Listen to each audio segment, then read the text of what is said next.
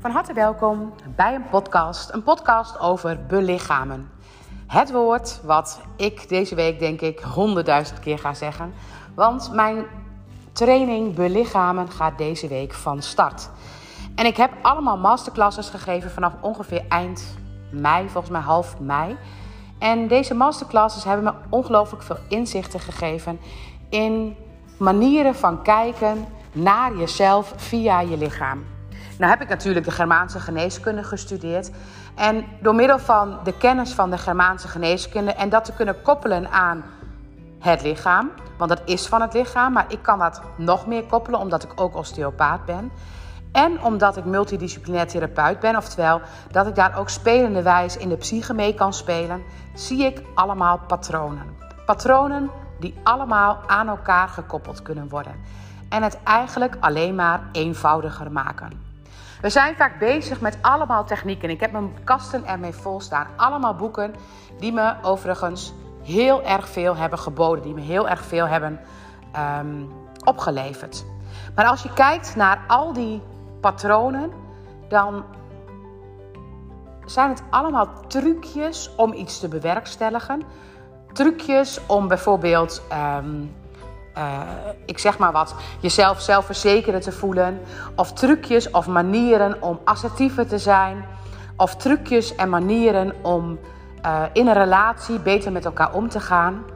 Maar het zijn allemaal trucjes waarbij je aan het werk moet.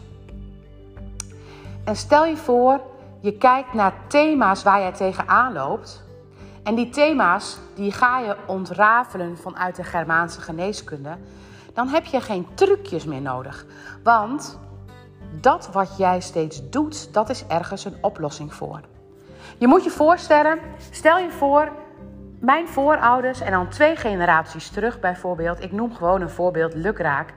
Daar is ooit een ruzie uitgelopen op een bloeding. Uiteindelijk is die persoon overleden. Dan is er op dat moment in het brein een soort screenshot gemaakt van dat moment. Omdat dat wat daar is gebeurd, dat heeft de overleving niet gediend. Dus het lichaam gaat opslaan wat daar speelde. Nou, bloed speelde daar, maar er was ook ruzie. Dus alle nazaden van deze persoon of van de persoon die daarbij was, die zullen altijd weten dat ruzie gevaarlijk is en dat er bij ruzie iemand dood zou kunnen gaan. En wat gaat die persoon dus niet doen? Ruzie maken, want in het brein van deze persoon is ruzie maken gekoppeld aan de dood. En stel je voor, ik zou met dit kind, die toch nodig een keer een beetje assertiever zou moeten zijn, zou ik oefeningen gaan doen om assertiever te gaan zijn. Ja, dan ben ik eigenlijk aan het praten. Ik ga jou leren hoe je zo snel mogelijk doodgaat. Tenminste, dat denkt het brein. Want alle confrontaties die dat kind op gaat zoeken, daar wordt dat kind onrustig van. Want als je ruzie krijgt, dan ga je dood. Dat zit in het brein. En stel je voor je kijkt naar de Germaanse geneeskunde. En je kijkt en je ziet, dit kind vindt het lastig om voor zichzelf op te komen. Dan kan ik jou helpen in te zien waar hoort dat bij. En als je dan iets meer van die situatie weet, dan kun je ontrafelen wat dit kind precies aan het doen is. Misschien zijn grenzen niet goed aan het aangeven. Of eigenlijk schrikt het zo gauw als er ruzie is. En dat verwacht je wanneer er een bloeding is, want daarbij gaat een mild aanstaan. En als je dat ziet en je ontdekt wat er in de voorgeschiedenis is geweest, of wat er als een soort patroon door het leven van dit kindje speelt, en we zouden kunnen uitleggen dat er zoiets is gebeurd, dan kijk je voor altijd met andere ogen. Want het moment dat jij weet, oh, ik ben echt super bang voor ruzie, omdat het ooit een keer fout is gegaan.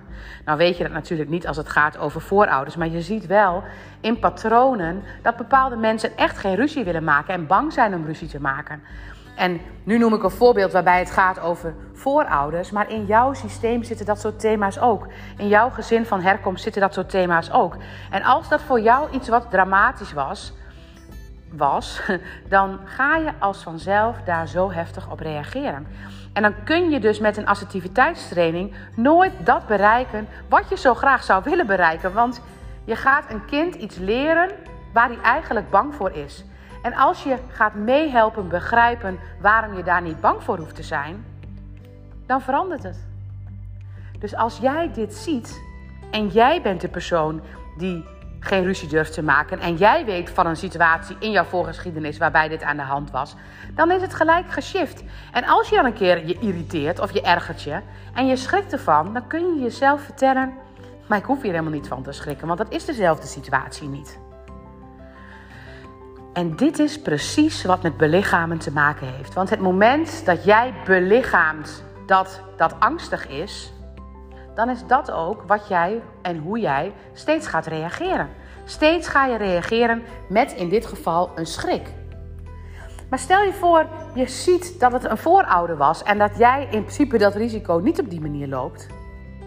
Dan belichaam jij dat je daar ook weer meer vertrouwen in kunt krijgen. En als vanzelf, als jij het belichaamt, dan ontstaat dat.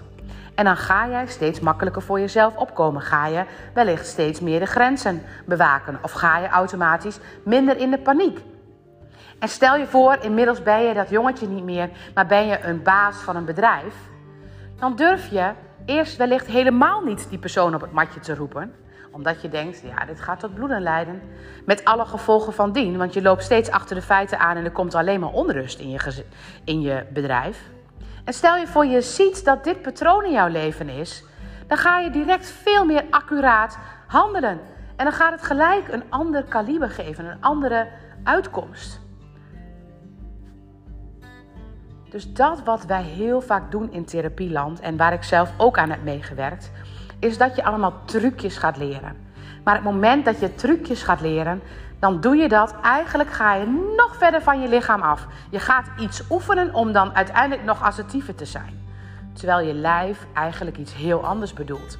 Je lijf geeft deze manier van omgaan met ruzie als een oplossing om niet in ruzies terecht te komen, om niet dood te gaan. En zo kan ik nog duizend voorbeelden inspreken. En al die voorbeelden zo werkt ons lijf. Dus dat waar jij tegenaan loopt. Als je denkt, oh, ik vind het echt zo lastig om voor groepen te spreken. Dan ben ik benieuwd wie ooit in jouw systeem afgemaakt is of afgewezen is voor een groep. En stel je voor je denkt, oh, ik ben echt... Ik, nee, ruzies, dat, dat vermijd ik. Daar kom, dan ben ik benieuwd wie ooit bij een ruzie flink te pas gekomen is. En als je denkt, nou, ik ben echt zo lui, echt niet te geloven. Ik kan echt mezelf niet het ene been voor het andere krijgen. Dan ben ik ook benieuwd waar dat een oplossing voor is. En als je dan denkt, nou, ik ben al wel benieuwd waarom ik geen klanten aantrek. Nou, wellicht is dat ook wel ergens een oplossing voor. Straks word je zichtbaar. Straks kan iedereen je zien. En wie is ooit eens afgewezen omdat hij gezien werd?